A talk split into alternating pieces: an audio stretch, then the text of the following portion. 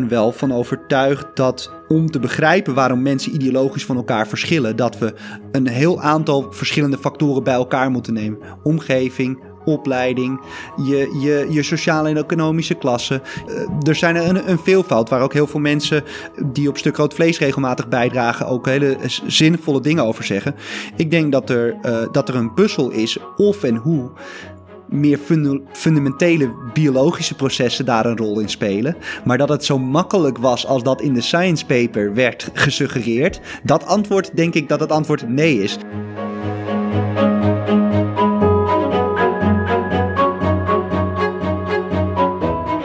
Uh, het is heel verleidelijk uh, om te blijven werken aan grote nieuwe ideeën.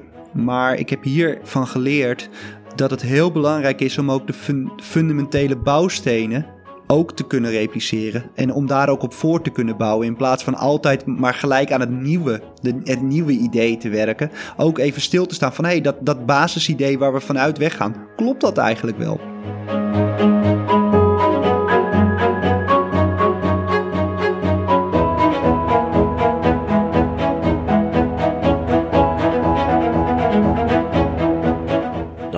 Welkom bij de Stuk Rood Vlees podcast. Mijn naam is Armen Hakverdian, ik ben politicoloog aan de UvA.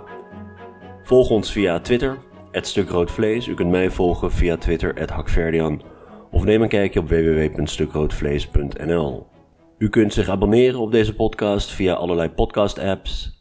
En laat dan ook meteen een rating of een review achter. Een aantal jaar geleden verscheen een studie in het toonaangevende wetenschappelijke tijdschrift Science, waarin werd beargumenteerd dat linkse en rechtse mensen fysiologische reacties hebben op dreiging. Deze studie past in een bredere literatuur over de biologische grondslagen van ideologie, die er dus vanuit gaat dat mensen niet alleen verschillen omdat zij andere ervaringen hebben of anders gesocialiseerd zijn, maar omdat zij daadwerkelijk onder de huid verschillen van elkaar. Dat er daadwerkelijke biologische, fysiologische en misschien zelfs genetische redenen zijn waarom sommige mensen links zijn en andere mensen rechts. Mijn gast van vandaag is Bert Bakker, universitair docent in de communicatiewetenschap aan de UvA. Bert wilde met een aantal collega's voortbouwen op dat bestaande werk van Douglas Oxley en anderen, dat dus verschenen was in Science, maar kwam er al snel achter dat hij het oorspronkelijke onderzoek niet wist te repliceren. Bert vertelt over de inhoudelijke discussie rondom biologie, fysiologie en ideologie. Maar we gaan ook dieper in op dat hele proces van replicatie, transparante wetenschap en hoe zo'n studie nou uiteindelijk tot stand komt. U kunt Bert volgen via Twitter, @bnbakker, en ik zal ook linken naar zijn website waar u al zijn onderzoek kunt vinden. Veel plezier met Bert Bakker.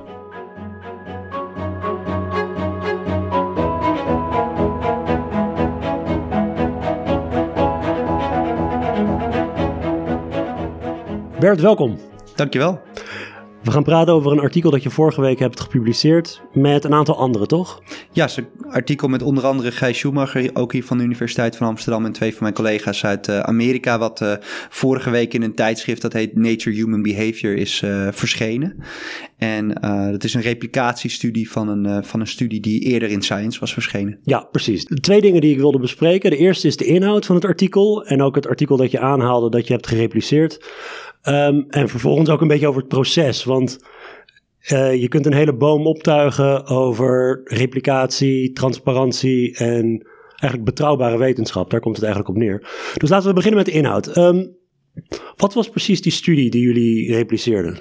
Ja, in, uh, in 2008 publiceerde een, uh, een, team van de University Nebraska-Lincoln, uh, geleid door John Hibbing en Kevin Smith, een, een, wat uit de tijd zeker baanbrekende studie was. Wat, waar zij geïnteresseerd in waren, was de vraag of linkse en rechtse mensen verschillen in de lichamelijke, de fysiologische reacties op dreiging. En misschien is het even goed om even duidelijk te maken dat ik vaak over links en rechts zal praten.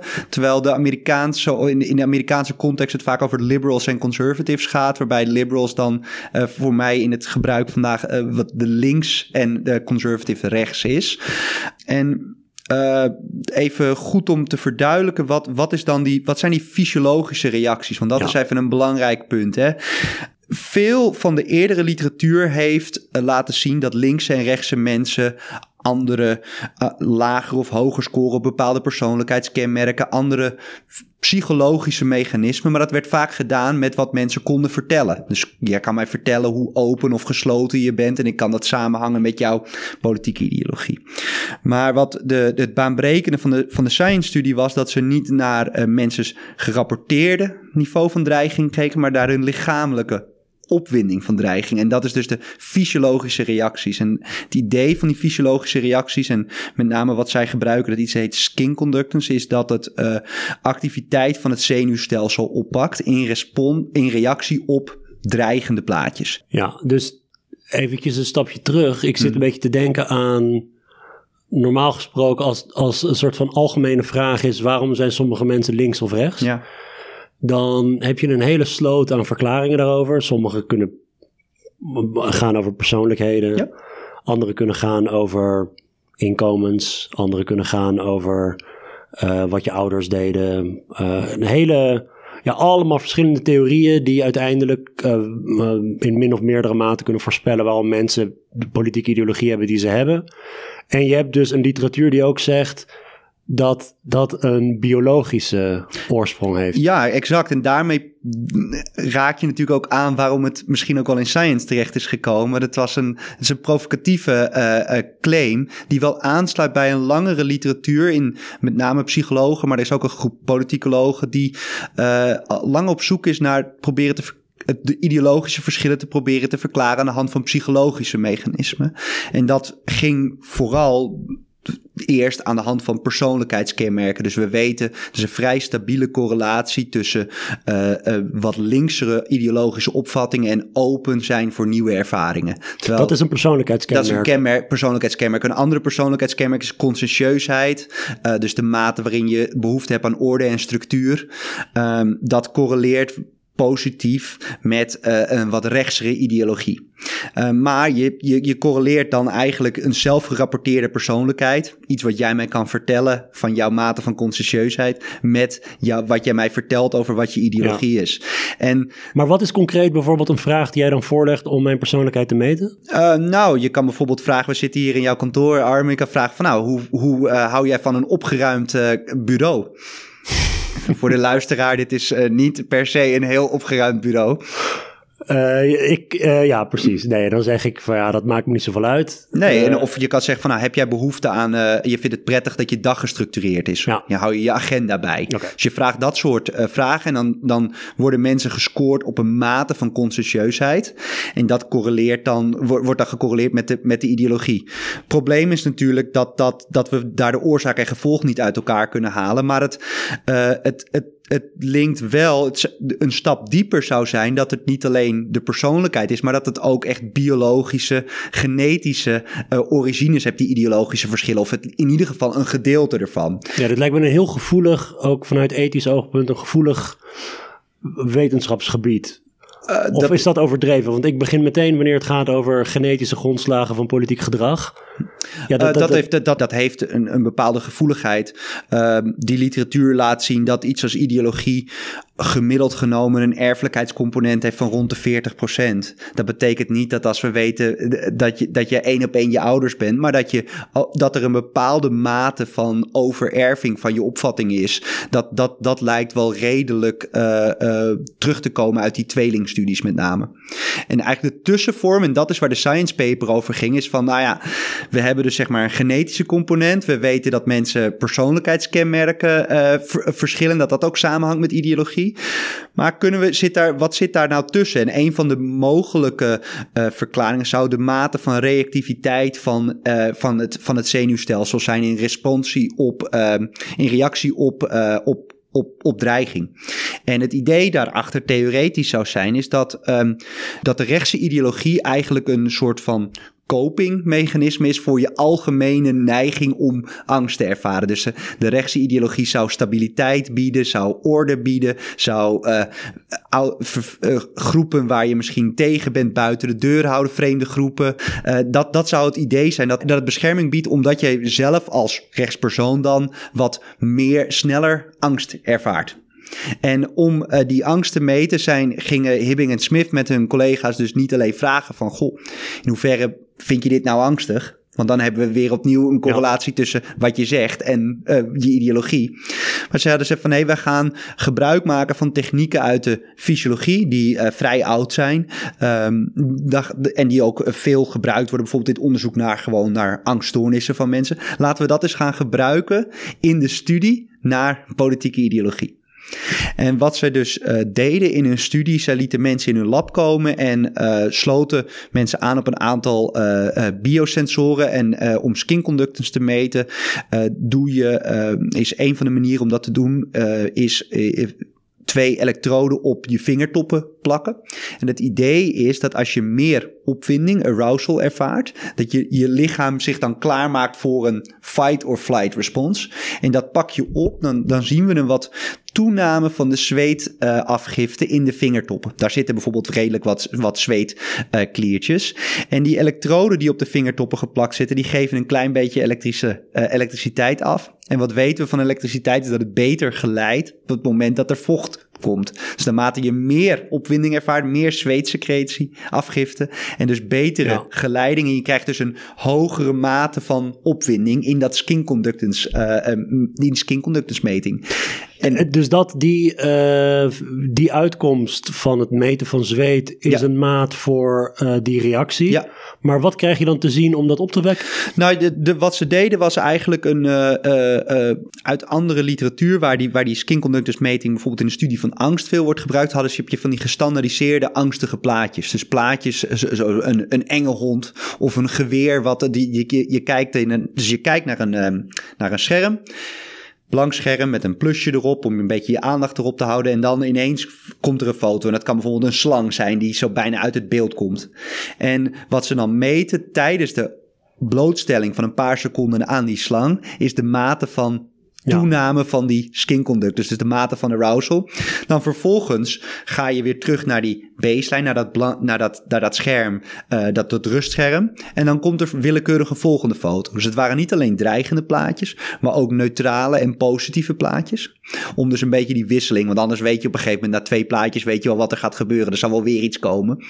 En um, Vervolgens creëerden ze dus van de plaatjes die angstig waren, er waren er in dit geval drie, uh, een, uh, creëerden ze een, een, een index van de mate waarin mensen reageerden, gemiddeld genomen, op die plaatjes. En dan had je dus een maat, een maat van de fysiologische reactie op die angstige plaatjes. En dat werd gecorreleerd met de zelfgerapporteerde ideologische opvattingen van die mensen. Dus dan kijk je of die. Uh uh, eigenlijk, je, je, deelt het grofweg in twee groepen op. De linkse mensen reageerden zus en de rechtse mensen reageerden ja, zo. Dat, was, dat is, dat is een van de tests die ze hebben gedaan. Dus ze hebben mensen vergeleken tussen, tussen de, zeg maar de, de, de, de, de linkse en de rechtse met een, met een test van de gemiddelde. Uh, ook ietsje geavanceerdere analyses waarin je kijkt naar de, naar de, de, de, de relatieve verschillen tussen mensen. Maar uh, in de basis is het gewoon een, een correlatie tussen waarbij ze verwachten en rapporteren dat de mensen die sterker reageren op die angstige plaatjes ook meer rechtse opvattingen uh, uh, rapporteren. Ja, en um, nog andere manieren, nog andere biofysiologische reacties dan uh, wat de, Ze, wat ze rapporteren het zweet, was, dan was, de klamme handjes? Was dit. Ze hebben ook een, een kleine test en wat een, een, eigenlijk wat ze in de, in de paper rapporteren is dit. Oké. Okay. En, uh, en het is, een, het is een, een, een standaardmaat die wel uh, gevalideerd is. Dus dat betekent dat, dat we wel weten dat die, die skin conductance meting is, is wel... We weten dat het omhoog gaat als mensen angst rapporteren. En nou, het was dus een, was echt wel een, een baanbrekend uh, idee van... God, we hebben dus decennia van onderzoek naar die persoonlijkheidskenmerken. Maar we kunnen dus ook, we, kunnen, we hoeven het mensen niet te vragen, maar we zien juist ook wat het fysiologisch lichamelijk reactie op angst, dat hangt samen met die ideologie. Er werd heel veel ook in de media gecoverd. Hè? Ja. Niet alleen maar dat het academisch een impact had, maar het is ook, het is ook ja, quote-unquote media-geniek onderzoek in de zin dat het eruit springt en ja, waarschijnlijk, het is een soort clickbait-achtig onderzoek. Uh, oneerbiedig gezegd, maar het ja. is, nou, er moet een reden zijn waarom dit nou wel is opgepikt en andere dingen niet. Ja, ik denk dat een van de redenen is dat dit, dat dit uh, dat het, dat het, het afgelopen decennium uh, misschien best wel gunstig is geweest. In de zin van de, de hoge mate van polarisatie in de Amerikaanse uh, maatschappij. Leidt toch tot de vraag onder Amerikaanse politicologen en, en ook in de media van komt dit ooit nog goed tussen, die, Ja. tussen, de, tussen, de, tussen de mengsel op links en rechts? Of eh, in de partijpolitiek gaat het dan natuurlijk over de, de Democrats en de Republicans. En de studie werd veel gebruikt om te laten zien van. Nou, het is niet alleen wat mensen zeggen, maar het zit ook daadwerkelijk Het is onder in de onze natuur. Het, het zit onder de huid. Het, Ja. zit, het, het is dus, eh, die verschillen zijn intract, zijn, zijn niet te overkomen. We, de, het is maar de vraag of we ooit, de, de mensen op links en rechts, ooit nog mm, tot elkaar kunnen komen. In zekere zin is het het tijdloze verhaal tussen nature en nurture. Of iets aangeboren of aangeleerd is. Nou, en dan, is- ja. toch? En dan, en dan is uiteindelijk denk ik... eh, al, stel dat dit het verhaal is, daadwerkelijk... is een pessimistisch verhaal over polarisatie. Dat is een beetje het, het is- grotere ja, plaatje. dat ja, je, dat, is, dat, is, dat is waar het veel voor gebruikt is. ja. En dat is, eh, dat is niet alleen toen de studie net werd gepubliceerd, maar ook in de jaren daarna is het, een, is het in termen van citaties. Dus het heeft een, het heeft een heel eh, een, een, een, een groep onderzoekers geïnspireerd om ook in het lab onderzoek te gaan doen, onder andere ikzelf. Maar het heeft dus ook een heel, ja, het heeft het medianarratief eh blijven, kunnen blijven beïnvloeden. En, en in, op, op zeer invloedrijke plekken. Dus er was vorig jaar nog een, een, een NPR-podcast die daarover ging. En, en ja, het, werd, het, het, het had een. Het had een interessante verklaring of een mogelijk, een mogelijk perspectief op, op, een, op iets wat er gebeurt in de ma- maatschappij. Ja, en dat is, dat is wel vaker hoe we zien dat een studie Ja. eh, impact kan maken. En hoe ben jij er zelf in gerold in dit onderwerp? Nou, ik, ik, ik, ik ben geïnteresseerd in, eh, in, in de psychologische eh, mechanismen die een rol spelen. Waarom mensen, hoe mensen op een ideologische eh, standpunten uitkomen. Ik, ik heb ook best wel wat onderzoek gedaan naar de associaties tussen persoonlijkheidskenmerken en politieke voorkeuren. En Heb jij een eh, achtergrond in de psychologie? ja, ik heb, ik heb hier aan de UvA ooit eh, psychologie Ah, eh, gestudeerd, maar ik, heb, ik ben gepromoveerd in politicologie. Dus mm, ja, ik heb, ik ben, ik heb mm, voldoende kennis om psychologische concepten toe te passen, maar ik ben geen psycholoog. Ehm, en ik was dus, ja, ik was, ik was echt wel geïnspireerd door het werk ehm, wat, wat John Hibbing en Kevin Smith hebben gedaan. Dus ik kende het, eh, ik citeerde het.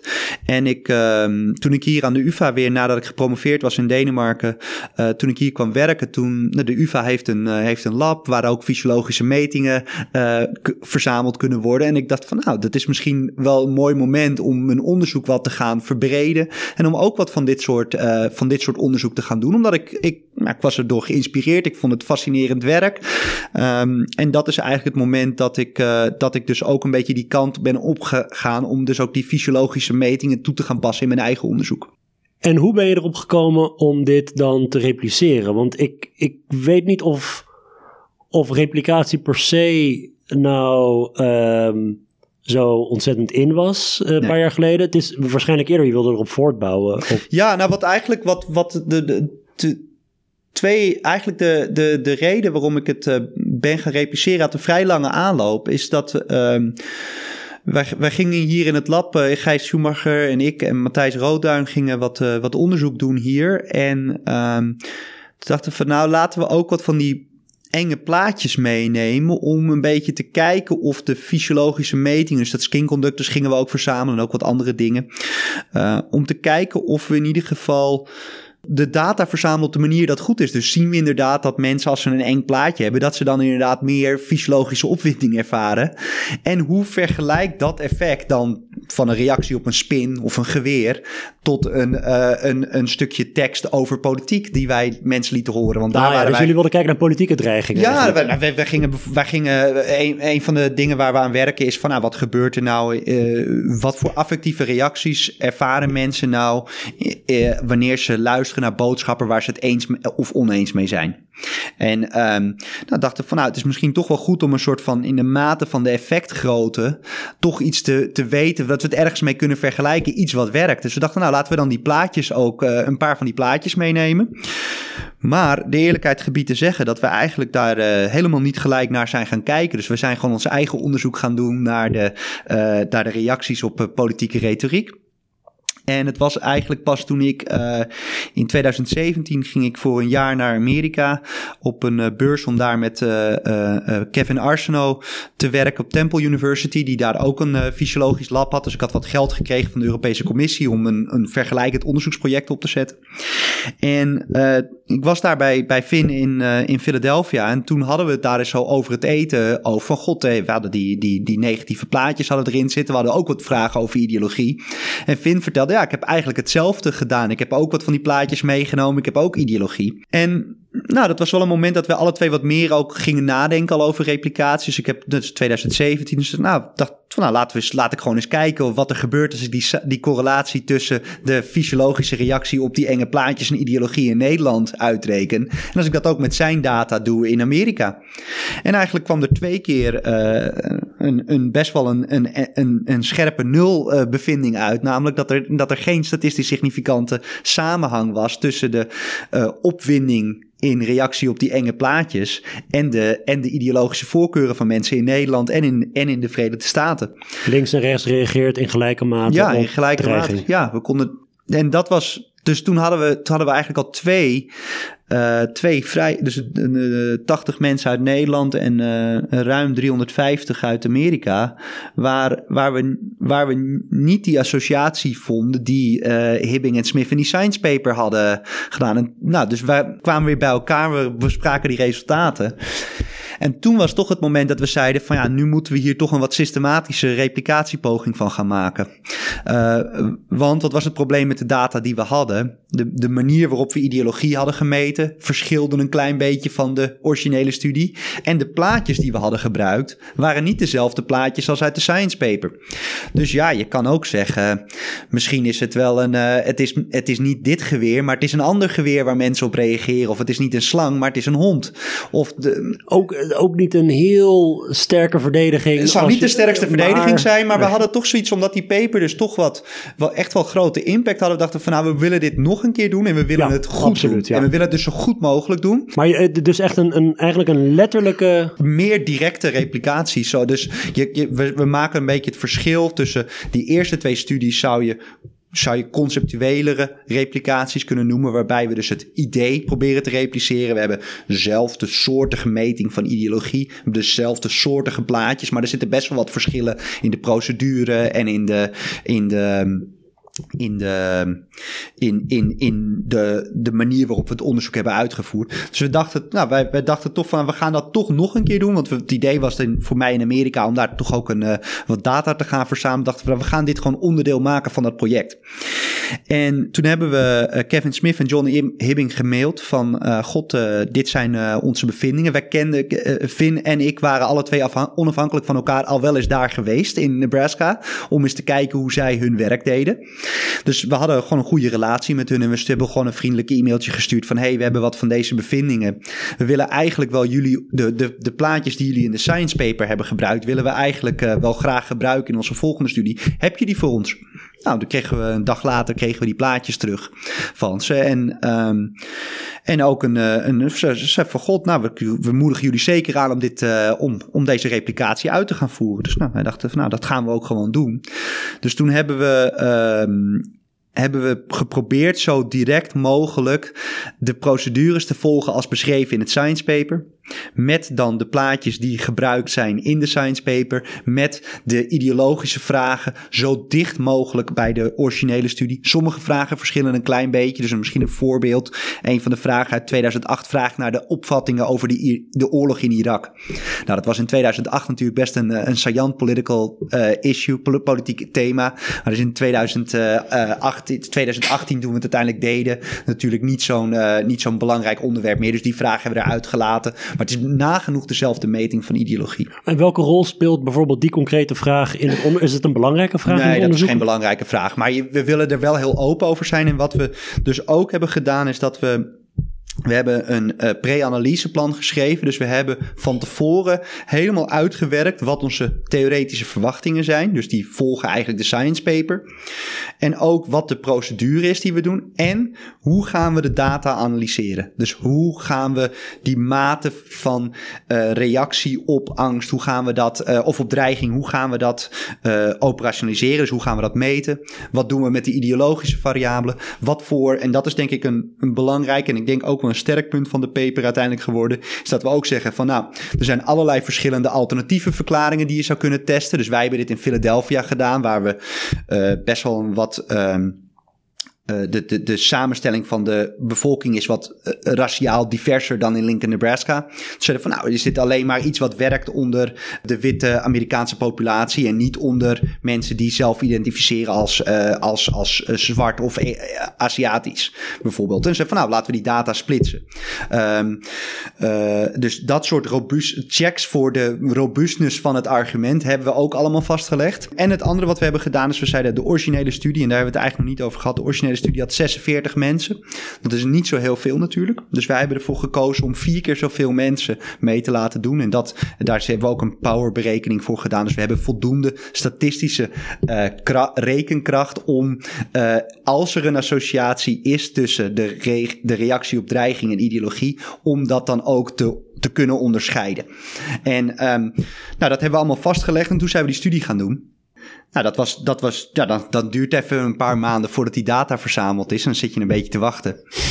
En, uh, en toen was het in uh, ja, mei, juni, was dat, was dat zo'n beetje klaar. Toen hebben we dat pre-analyseplan erbij gepakt. En toen zijn we die data gaan analyseren aan de hand van wat we van tevoren hadden opgez uh, opgezet. En daar kwam eigenlijk, uh, bevestigde eigenlijk de resultaten uit de eerste twee studies. Er op geen enkele manier een relatie, een, een, een positieve, statistisch significante relatie tussen de reactie op die dreigende plaatjes en de ideologische rechtsere standpunten van mensen. Ja, ik, ik wil zo even overgaan op die hele nou ja, nasleep van wat doe je nou wanneer je een invloedrijke studie ja. eigenlijk ontkracht. Ja. Maar eventjes toch terug op de inhoud. Ja. Wat zegt dit nou over kiesgedrag, ideologie en die hele bredere literatuur?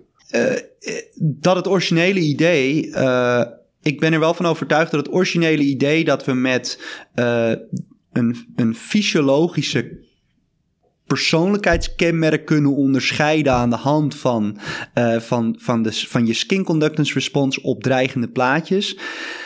Dat is een. Uh, ik denk dat dat geen goed idee was. Wij vinden dus ook helemaal geen bewijs dat de reactie, fysiologische reactie van een persoon op een spin en een, en een hond of een geweer, dat dat samenhangt met elkaar. Sommige mensen zijn bang voor spinnen, andere mensen zijn bang voor honden en anderen zijn angstig voor wapens. Er, er zitten heel veel verschillen tussen mensen in. En dat, dat wordt ook wel bevestigd door het werk in, uh, in neuroscience, wat ik eigenlijk wat meer daarna ben gaan lezen. Is dus dat mensen die, ja, sommige mensen zijn bang voor spinnen, maar dat betekent niet dat ze gelijk bang zijn voor slangen en, uh, of, of wapens. Dus dat is een eerste punt dat ik denk van, nou, dat, dat, dat originele idee was niet zo goed. Dan die wat implicietere reactie op dreiging uit je vingertoppen samenhangen met, met je politieke opvattingen. Ik denk dat dat ook niet zo'n heel. dat dat de directe associatie. Dat, dat, dat die directe associatie, als die er al is, moet die heel zwak zijn. Uh, maar ik denk dat die, dat die veel contextafhankelijker is. Dus dat dat, dat dat idee dus ook niet zo'n goed idee was om te beginnen. Dat heb ik wel geleerd van, dat is wel een reflectie die ontstaan is na de replicatie. Want ik dacht daar wel wat meer zo over. Misschien dat andere sociale wetenschappers denken, nou dat was een dom idee. Nou dat zou kunnen. Uh, dus wat ik denk dat het laat, uh, wat het laat zien voor de bredere literatuur is dat um, ik ben wel van overtuigd dat om te begrijpen waarom mensen ideologisch van elkaar verschillen, dat we uh, een, een, een, een, een heel aantal verschillende factoren bij elkaar moeten nemen. Omgeving, opleiding, je, je, je sociale en economische klasse. Je, uh, de, de, de, de, er zijn er een, een veelvoud waar ook heel veel mensen uh, die op stuk rood vlees regelmatig bijdragen ook hele zinvolle dingen over zeggen. Ik denk dat er, dat er een puzzel is of en hoe meer fundamentele biologische processen daar een rol in spelen. Maar dat het zo makkelijk was als dat in de science paper werd gesuggereerd. Dat antwoord denk ik dat het antwoord nee is. We eindigen de paper dus ook door te zeggen van nou, we moeten niet minder onderzoek. Het betekent niet dat we ineens allemaal onze fysiologische setjes bij het grofvuil moeten zetten. Maar we moeten wel heel hard na gaan denken over hoe dat dan anders zou gaan werken. Dus zou het mogelijk zo zijn dat mensen die, um, die fysiologische opwinding ervaren, uh, uh, onder bepaalde omstandigheden dat wel vertalen in hun beleidsopvattingen, maar misschien naar hele specifieke beleidsopvattingen. Nou, dit, dit klinkt allemaal vrij speculatief, omdat we wel wat vervolgonderzoek aan het doen zijn. Maar ja, in het lab gaat dat ook allemaal best wel langzaam, dus we zijn nu data aan het verzamelen, maar die met vervolgideeën. Maar ja, dat, dat duurt gewoon een paar maanden nog voordat die resultaten er zijn. Maar ik, dus ik denk niet, samenvattend denk ik niet dat we dat we moeten zeggen van nou, er is geen reden om te denken dat biologische processen geen rol spelen. Alleen hoe simpel het werd voorgesteld in de science paper, namelijk individuele verschillen in reactie op dreiging, hangen direct samen met je, met je rechtse ideologie. Ah, dat idee is denk ik echt veel te simpel. En dat, dat, dat levert een grote puzzel op hoe het dan wel zou moeten zijn. Ja. Ja, ik, ik, met, met dit soort zaken, of het nou gaat om stemgedrag of, of, of houdingen van mensen, of um, er bestaat een enorme neiging om een mogelijke verklaring uh, op een soort voetstuk te plaatsen als de enige en allerbelangrijkste verklaring. En ik denk dat we een heel eind zouden komen als we gewoon zouden toegeven, of als we zouden opschrijven wat we vinden. Namelijk, in het beste geval is dit een van de vele mogelijke verklaringen voor iets. Of het verklaart een klein deel van de variantie in iets. Of er zijn, of voor, zoals jij net zei, onder bepaalde voorwaarden verklaart het iets. In plaats van dus het uitvergroten van één bepaalde factor. Daarvoor zijn deze dingen simpelweg te complex en mensen te verschillend. Exact. En, en ik denk dat daar ook. Ik hoop dat het. Dat, er was laatst een, een, een, een editorial in, uh, in Nature Human Behavior. Waar, waar de editors ook zeiden: van ja, science is messy. Uh, de resultaten zijn, uh, zijn vaak complex. En laten we vooral ook in onze papers en in onze communicatie erover daarna. ook duidelijk zijn over die complexiteit. Dat laatste ook vooral, hè? Want het is het, het feit dat, dat dit onderzoek dan het verkoopt makkelijker als je zegt van, god, die polarisatie die we zien, ja, daar zitten we misschien aan vast. Want het, uh, het is allemaal in marmer gebeiteld. Je ziet het in je genen. Dat is een ander verhaal. Dat is waarschijnlijk niet het verhaal dat zij lieten zien in hun paper. Maar door welk proces dat op een gegeven moment toch die gedaante aanneemt in de media, dat, dat proces zelf is uh, ja, een, een ja, vrij goed kijkje waard. Ben ik helemaal met je eens. En ik, maar ik, ik, denk ook echt dat het al begint bij hoe we de, de framing, zoals mm. we dat vaak als wetenschappers noemen, de framing van onze papers. Daar we moeten toch vaak een grote theoretische contributie die het veld ineens heel anders over dit onderzoek, onderzoeksveld waar we al decennia aan werken, ineens toch met dit paper gaan we er heel anders over nadenken. En dan is er allemaal bewijs wat precies aansluit bij dat idee. En dat is niet hoe, hoe voor de meeste wetenschappers uh, de ervaring is hoe het daadwerkelijk werkt. En dat zit dus ook in de incentives die in de, in de, in de journals uh, en, en in de, in de promotiecommissies, in de, in de aannamecommissies uh, worden, worden gelegd. Het verwachting dat je grote theoretische Innovatie. Exact, ja. ja. Hey, even over dat proces, want nu zit je dan uh, achter je computer die berekeningen te doen en je vindt deze dingen. Dan is de volgende stap, wat doen we ermee? Ja. En aangezien dat artikel gepubliceerd is in Science, het aandacht krijgt, zowel binnen als buiten de wetenschap, um, staat er veel op het spel. Ik neem aan dat jullie hebben aangeklopt bij Science eerst. Exact, ja. Dat is, uh, dat is exact wat we hebben gedaan. Dus wij hebben uh, in de, de zomer van 2019 hebben we hebben we de paper naar Science gestuurd met een, uh, nou, allerlei mensen gevraagd van nou, hoe doe je dat nou? Ik had nog nooit wat naar Science gestuurd van nou, wat moet je nou doen? Dus met z'n, nou, je moet in ieder geval zorgen dat je een goede brief schrijft waarin je uitlegt waarom dit een belangrijke paper is. En uh, nou, allerlei mensen hebben nog allerlei ander goed bedoeld advies natuurlijk voor je. Dus wij sturen het naar Science in en uh, een aantal dagen later krijgen we een e-mail van de editors. Die zeggen, nou, dank jullie wel. Dit is, een, uh, dit is absoluut een, uh, een goede replicatie van een, van een paper. Maar wij vinden dit niet, we, gaan dit, we gaan hier niet mee verder. Dus we gaan het niet uitsturen naar peer reviewers. want we denken dat dit meer iets is voor het specifieke vakgebied om nog eens met elkaar over te hebben. Maar wij denken niet dat het een groot genoeg impact heeft voor science in zijn geheel. Nou, je snapt misschien dat wij het daar niet mee eens waren. En um, wat we hebben gedaan is, we hebben een, uh, we hebben een brief teruggeschreven naar Science.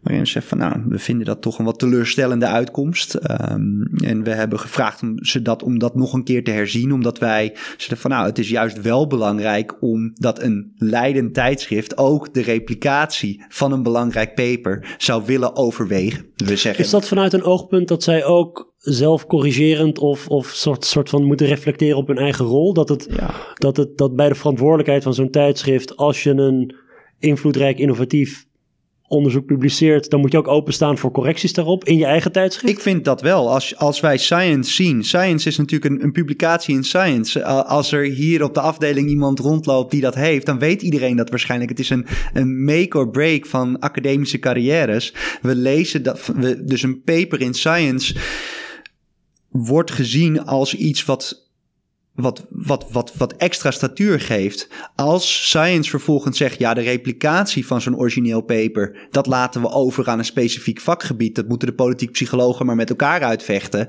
Dan betekent dat ook dat je science zo moet lezen van, oh, hier staan de flashy findings. Ja. Maar het daadwerkelijke harde werk, of dit nou wel of niet repliceert, ja, daarvoor moet je dan maar het specifiek vakgebied gaan lezen. Het is een vreselijk signaal dat je uit af, afzendt natuurlijk. Want ook, het is, het is niet alleen maar heel erg belangrijk voor laten we zeggen, de inside baseball um, carrières, maar simpelweg ook gewoon de reputatie van de wetenschap en wat waar is. Als iets in science staat, zijn mensen eerder geneigd te denken: oh, dit is hoe de wereld in elkaar zit.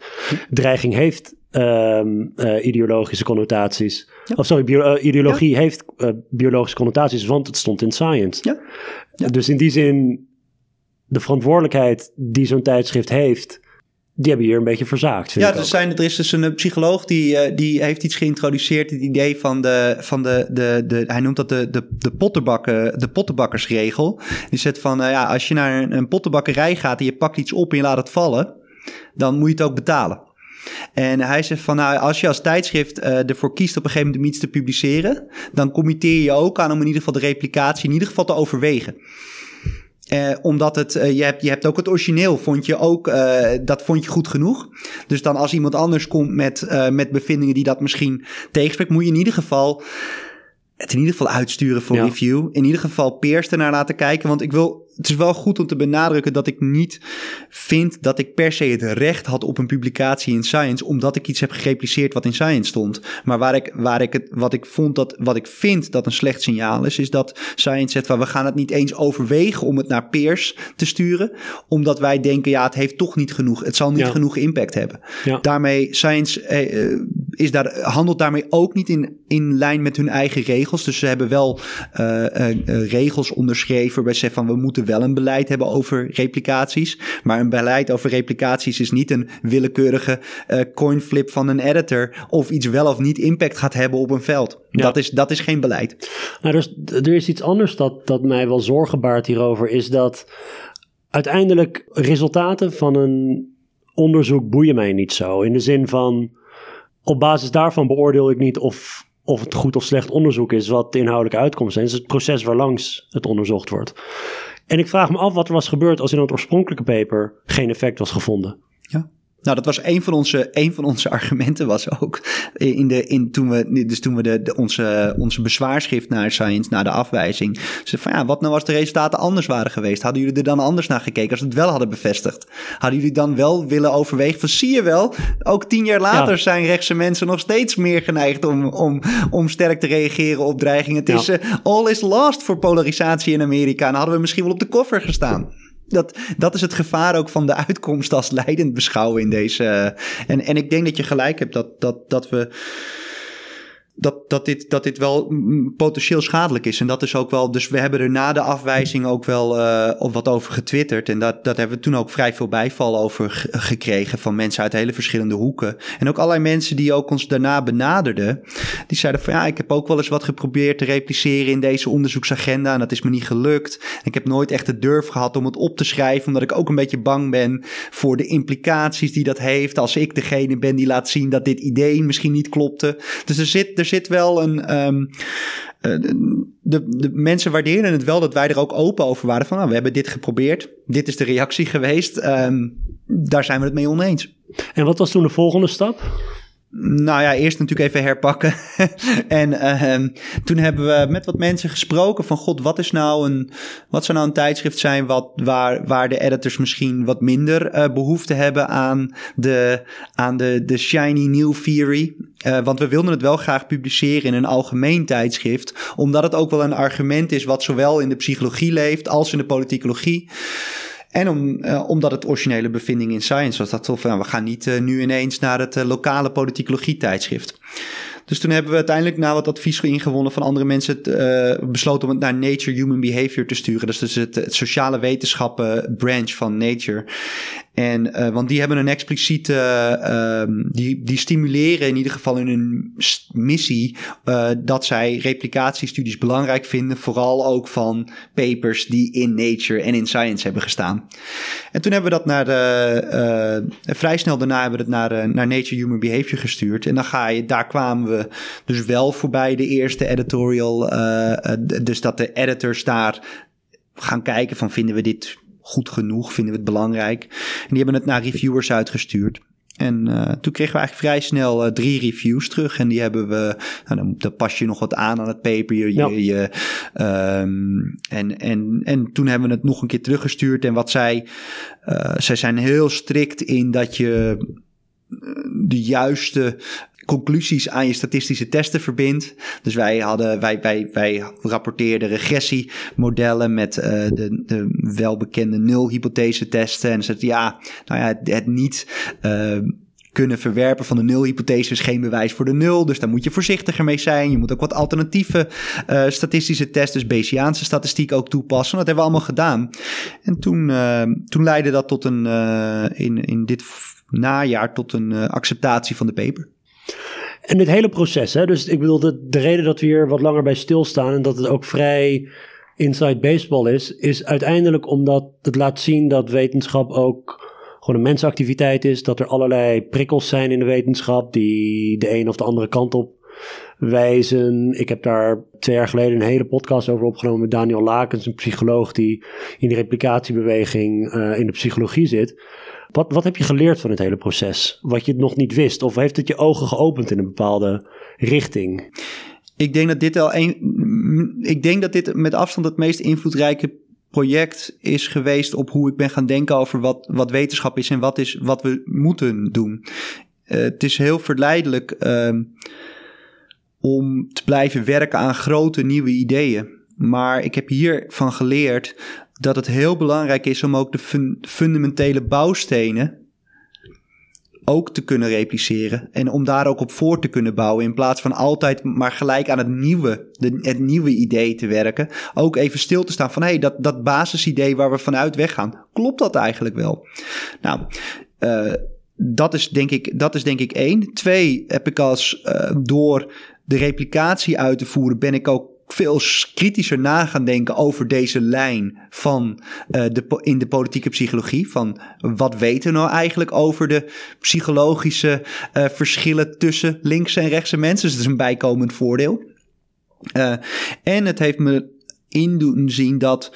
Um, het heeft me een stuk scherper gemaakt in, als onderzoeker om echt goed te lezen en na te denken over wat is nou die bevindingen die we voor waarheid aannemen hoe goed vind ik dat onderzoek nou eigenlijk gedaan?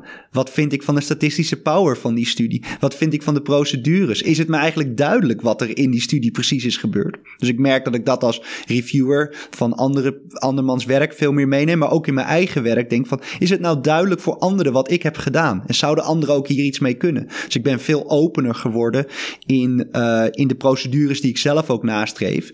En ik denk dat dat misschien wel de belangrijkste verandering is. Dus we zijn, dat, we zijn dit, dit, die replicatie met de originele plaatjes zijn we gaan pre-registreren. En ik probeer eigenlijk al mijn werk nu uh, dus van tevoren vast te leggen wat ik ga doen en uh, hoe ik dat ga doen en wat de verwachtingen zijn. En ik zie daar gewoon een heel groot voordeel in, omdat je dan van tevoren vastlegt met die fysiologische data bijvoorbeeld, heb je zoveel keuzes om te maken. We verzamelen duizend observaties per seconde. Dus hoe ga je dat al samenvoegen? Dat is al de eerste keuze die je moet maken. Wat doe je met de outliers? Wat doe je met, uh, met, met, met als het iets wel of niet met elkaar samenhangt? Ga je dan een, een schaal maken of juist niet? En daar van tevoren goed over nadenken. Dat is denk ik cruciaal. En dat ook open hebben van dit waren mijn gedachten toen ik begon aan de studie. En toen heb ik het zo uitgevoerd. En ik heb misschien wat afgeweken. Nou, daar ben ik ook gewoon open over. Dan weten mensen precies hoe je in dat traject te werk bent gegaan. Ja, dus dat, dat is wat ik um, nog wilde vragen is... Je kunt open kaart spelen. En uh, een van de redenen om open kaart te spelen is ook dat je dus achteraf niet gaat zitten sjoemelen met, um, met data zoals je net zei, er zijn, er zijn wel een duizend, er zijn wel duizend verschillende analyses die je zou kunnen doen. En je gaat net zo lang door totdat je iets leuks vindt. Hm. Dat, dat soort gedrag is volgens mij wat, um, ja, wat mensen uh, steeds meer tegen de borst stuit. En wat ook gewoon uitgebanden moet worden. En maar tegelijkertijd misschien even goed om daar even wel even op in te haken. Dat dat niet eens zozeer altijd gaat om mensen die bewust zitten te frauderen. Maar dit is gewoon een. Je, je draait 15 regressiemodellen. En er komt er uit één wat uit. En je gaat op een gegeven moment gewoon geloven dat dat model ook het beste model is. Die, die, die, die menselijke behoefte naar het bevestiging. Be bevestiging. En dat gecombineerd met incentives bij de tijdschriften. En in de, en in de hiring committees op een universiteit. En in de, bij de beurzen. Om nieuwe grote ideeën ja. te presenteren ja, dat creëert een hele, een hele giftige cocktail. En, en hoe ga je dan dus om met aan de ene kant heel veel vastleggen, met het proces van wetenschap waarin ook dingen gaandeweg kunnen veranderen, je gaandeweg dingen kunt ontdekken. Hoe moet je dat dan op een verantwoorde manier zeg maar, formuleren? Van ik, heb, ik ben hier toevallig ben ik hierop gestuurd, maar ik heb het niet gepreregistreerd. Mag ik het dan nog wel gebruiken? Is dat... Ja, absoluut. Ik, ik, ik, maar ik denk dat het precies is wat je, wat je beschrijft. Ik had een aantal, ik had vijf van tevoren vastgelegde verwachtingen. Nou, die heb ik getest. Daar komt wel of niet wat uit. Maar ik heb ook nog een zesde bevinding. En misschien is die, die zesde bevinding wel een, een hele interessante bevinding. Maar je, dat je toch duidelijk bent dat dat een bevinding is die waar je niet van tevoren over na had gedacht. Zodat de lezer kan inschatten van hé, hey, nou, er waren wat, er waren wat, uh, er waren wat, wat, wat verwachtingen die zijn getest volgens de vastgelegde procedures. Toen is de onderzoeker nog wat, wat andere dingen gaan doen. En daar kwam dit uit. Dat, dat kan wel of niet interessant zijn. Ik denk wel dat, een, dat je bij een exploratieve bevinding een grotere kans hebt om uh, misschien door reviewers gevraagd te worden om het nog een keer te repliceren. Dus jij vindt bijvoorbeeld een interactie, je doet een experiment met twee condities en je vindt dat dat verschillend is tussen mannen en vrouwen. Nou, dat is een exploratieve bevinding. Er is best wat voor te zeggen waarom mannen anders reageren op jouw experimentele treatment dan vrouwen. Maar dan zou je kunnen verwachten dat de reviewer op een gegeven moment zegt: nou ja, uh, Armen, ik zou dat toch wel graag een keer gepreregistreerd nog een keer willen zien. En, en dat is denk ik, dus dat, dat is een manier, maar je kan, of je schrijft het op als gewoon, ja, dit is een suggestieve bevinding. En ik denk wel dat daarmee de mate, de snelheid waarmee veel papers gepubliceerd worden, gaat afnemen. Ja, enorm, ja. En dat, dat, maar dat betekent dus ook dat je moet die tweede replicatie die de reviewer zegt nog gedaan worden voordat je die eerste kunt publiceren? Of kun je die eerste publiceren en vervolgens die tweede doen? Of het, je bent natuurlijk ook gewoon. Ja, niet iedereen heeft drie jaar de tijd of geld om dingen te doen. Er zitten ook allerlei ja. soort van meer praktische. Nou, daarom denk ik uiteindelijk dat, een, dat pre-registreren, dus van tevoren uh, in een publiek repository vastleggen wat je gaat doen, is een vorm. Maar ik denk dat het een tussenvorm is. Um, recent heb ik met Gijs Schumacher uh, gewerkt voor het eerst aan een, wat heet een registered report. Waarbij je dus van je dient in het eerste stadium, dien je je hypothese, je onderzoeksdesign en je geplande analyses in. Daar gaat dan een, uh, reviewers gaan daar naar kijken. Die... Dat, uh, bij een tijdschrift die je dat in? Ja, die, zonder de resultaten? Die zonder in de resultaten. Oh, ja. De reviewers hebben dan de kans te zeggen van... nou ja, maar die treatment zou ik toch een beetje anders doen. Ik zou dit anders testen. Uh, waarom voeg je dit nog niet toe? Vervolgens krijg je als je een acceptance in, die eerste, in dat eerste stadium krijgt... daarna ga je pas je data verzamelen. En het idee is dat de reviewers niet op basis van de uitkomst van de van, het, van de studie, dan kunnen zeggen: ja, maar nu staat het me niet aan. En nu wil ik niet dat dit gepubliceerd wordt. Als jij het, de studie uitvoert zoals je hebt aangekondigd, dan zou je ongeacht de resultaten ook een, uh, een publicatie moeten krijgen. Daarin kan je dus ook veel explicieter zijn van dit waren de geregistreerde test van de hypothese. Nu heb ik ook nog wat exploratieve bevindingen. Die zet ik er ook nog bij. Nou, daar kan je dan mee doen wat je wil. Want je kan inderdaad, dit kan een, de interactie tussen mannen en het verschil tussen mannen en vrouwen kan een van de honderd verschillen zijn die je hebt getest. En nou, dit is er dan toevallig eentje die eruit komt. En wat, wat je ziet dat in die registered reports gebeurt, is dat het aantal bevindingen wat bevestigend is voor de hypothese, die dondert naar beneden. Dus het aantal. Ja, tuurlijk. ja, en, en, maar dat zou dus een, een dat is zou een, een oplossing voor een, een veel fundamentelere oplossing. Dan heb je ook niet het probleem van moet je één of twee studies doen. Ja. Je ben je blind van de, van de uitkomsten gegarandeerd van een publicatie. En dat, dat, dat zie ik wel als een. Ik zit nu pas in het reviewproces van, die sta, van het tweede stadium. Dus misschien uh, kom ik hier nog wel op terug. Maar ik heb wel het idee dat dit de gouden standaard van, uh, van, van wetenschappelijk onderzoek uh, gaat worden. Voor heel veel, uh, voor heel veel hypothese toetsend onderzoek. Ja. Tot slot, wat staat er nog meer op je agenda als het gaat om die, um, dat onderzoek naar de biologische oorsprong van ideologie of de meer, laten we zeggen, fysiologische responsen? Nou, ik neem aan dat je niet klaar bent. Nee, zeker niet. Um, er zit, er zit nou, het niet repliceren van een, van een paper in Science komt voor mezelf in ieder geval wel een klein beetje met de verantwoordelijkheid om ook na te denken wat een mogelijk alternatief antwoord zou kunnen zijn. Misschien is het ook wel gewoon helemaal fout, maar we hebben in ieder geval nu wat, uh, wat data uh, wat we aan het verzamelen zijn in Nederland en in de Verenigde Staten, uh, waarbij we nou, mogelijke conditionele, dus wat meer specifieke relaties tussen reacties op dreiging en ideologie gepreregistreerd testen. Nou, ik weet niet wat daaruit komt. Uh, maar, wat is er anders aan dan de replicatie nou, zelf? We, we, kijken bijvoorbeeld wat specifieker naar... Um, we, we hebben ook een, een impliciete meting van ideologie die we hebben uh, ontwikkeld. Dus wat, waar, waar we met een... Heb je wel eens gehoord van zo'n impliciete associatietest? Dus dat idee dat, dat mensen op basis van de responstijd... Um, dat mensen niet alleen expliciet rapporteren wat ze vinden van een onderwerp, maar dat je je ook uh, aan de hand van de reactietijden op, op, een, op, een, op, een, op een reactietijdentaakje, uh, dat we ook een inschatting kunnen krijgen van, uh, van, de, van de ideologie op een wat implicieter niveau. En misschien dat fysiologische reacties, die ook wat implicieter zijn, wat sterker samenhangen met de impliciete ideologie dan met de expliciete ideologie.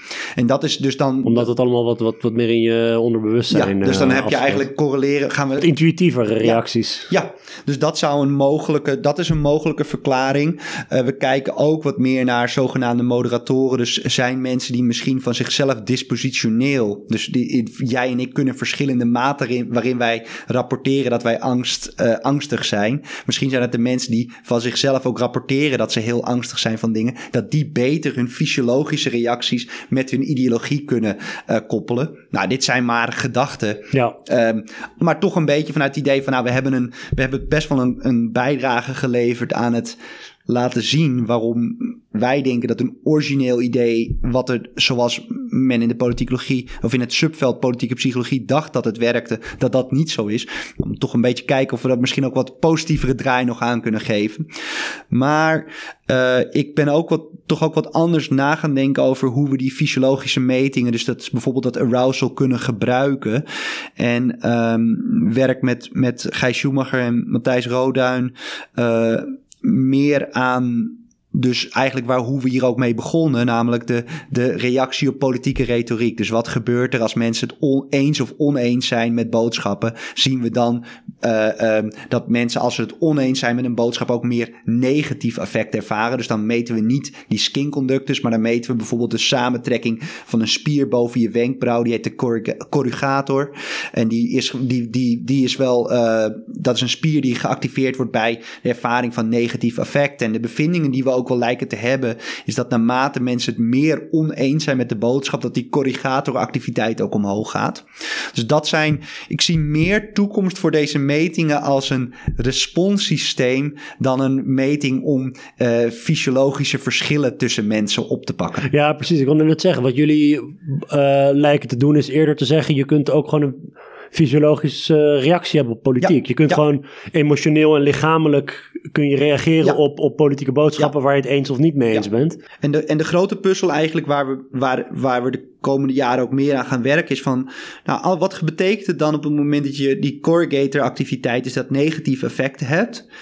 Hoe verder hangt dat samen met wat mensen dan zeggen dat ze ervaren? Dus rapporteren mensen dan ook dat ze het negatief vinden? Of, en, en, en wat gebeurt er als je zowel die corrugator activiteit, dus hoge mate van negatief affect, fysiologisch hebt, en je rapporteert dat je het heel negatief vindt? Dat is een optie. Maar het zou ook kunnen zijn dat die twee systemen, wat je fysiologisch ervaart en wat je zegt dat je ervaart, dat die twee dingen helemaal niet zo met elkaar samenhangen. En dat, dat is natuurlijk best wel spannend, omdat het grote de grote lijn van onderzoek in de politieke communicatie uh, hierover toch uh, de rol van emoties heeft, vooral heeft, uh, heeft onderzocht aan de hand van wat mensen je vertellen, wat ze ervaren. En nou, dus daar zitten we een beetje over na te denken hoe die twee, de fysiologische en de, wat mensen zeggen, hoe die twee mogelijk met elkaar kunnen interacteren. Bert, heel erg bedankt. Ja, voor je uitleg, voor je tijd. Uh, kom nog eens een keer terug om, uh, om over dat vervolgonderzoek ja, te praten. Zeker. super boeiend. U bedankt voor het luisteren en tot de volgende keer.